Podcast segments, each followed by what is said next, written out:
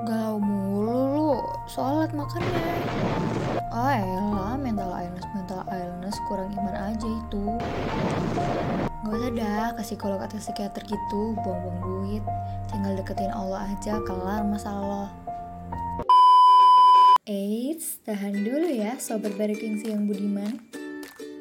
Apa iya ya kena mental illness itu gara-gara iman kita kurang, jauh dari Allah, atau sholat yang gak benar? Sepertinya, bahasan tentang kesehatan mental sudah mulai cukup banyak dikenal oleh masyarakat, khususnya Indonesia negara kita tercinta ini.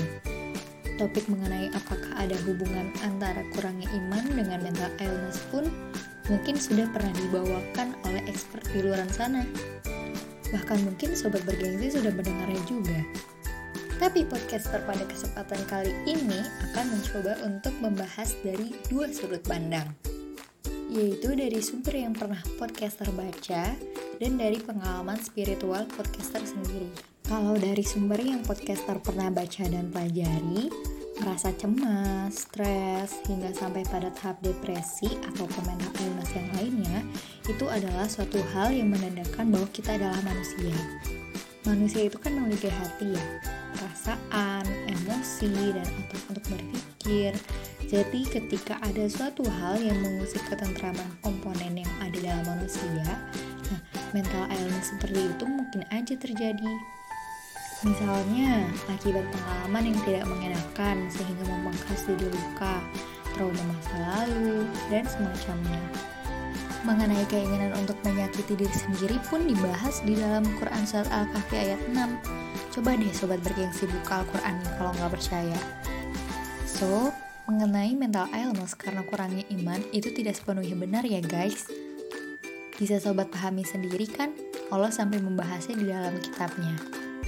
Nah, sedangkan untuk pengalaman spiritual dari podcaster sendiri, podcaster itu pernah ada di fase yang memang rasanya jauh banget dari Allah. Sholat seadanya, malas doa, ngaji jarang, sunah-sunah pun ditinggalkan.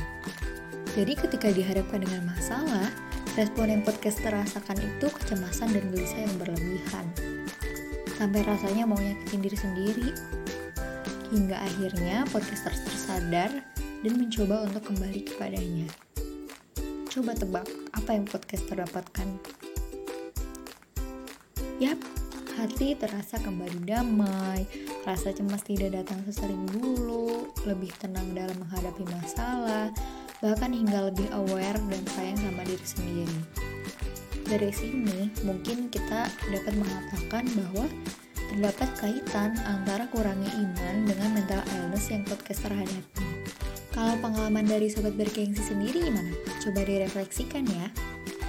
Sebenarnya, dari dua pandangan ini, podcaster bisa ngambil hikmahnya sih.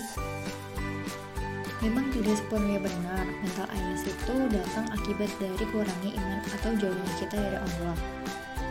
Jadi, sobat bergengsi kalau ada teman yang curhat tentang permasalahannya, jangan langsung dijudge karena dia kurang dekat sama Allah ya. Kita nggak pernah tahu permasalahan seberat apa yang bisa membuatnya seperti itu. Namun, dari sini kita juga dapat menarik kesimpulan bahwa ibadah bisa menjadi perantara kita untuk komunikasi dengan Allah. Ia kan malah segalanya ya. Jadinya juga ia tidak akan menimpakan suatu masalah melebihi batas kemampuan hambanya kan?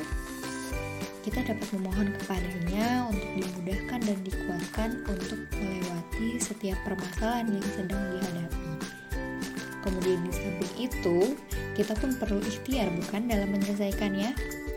Dan ketika jika memang sudah diharuskan bertemu profesional alias psikologi atau psikiater, gak ada salahnya karena mereka memang dihadirkan oleh Allah sebagai perantara kita ikhtiar untuk menuju pribadi yang sehat mental atau dapat dikatakan sembuh.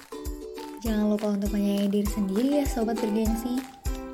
Kalau kata Mbak Tatiana Manisi, baby you are strong, you are wise, you are worth beyond a thousand reasons why. And you can be perfect baby, cause nobody's perfect darling. But no no no, there's nobody in the world like you. See you on the next episode. Wassalamualaikum.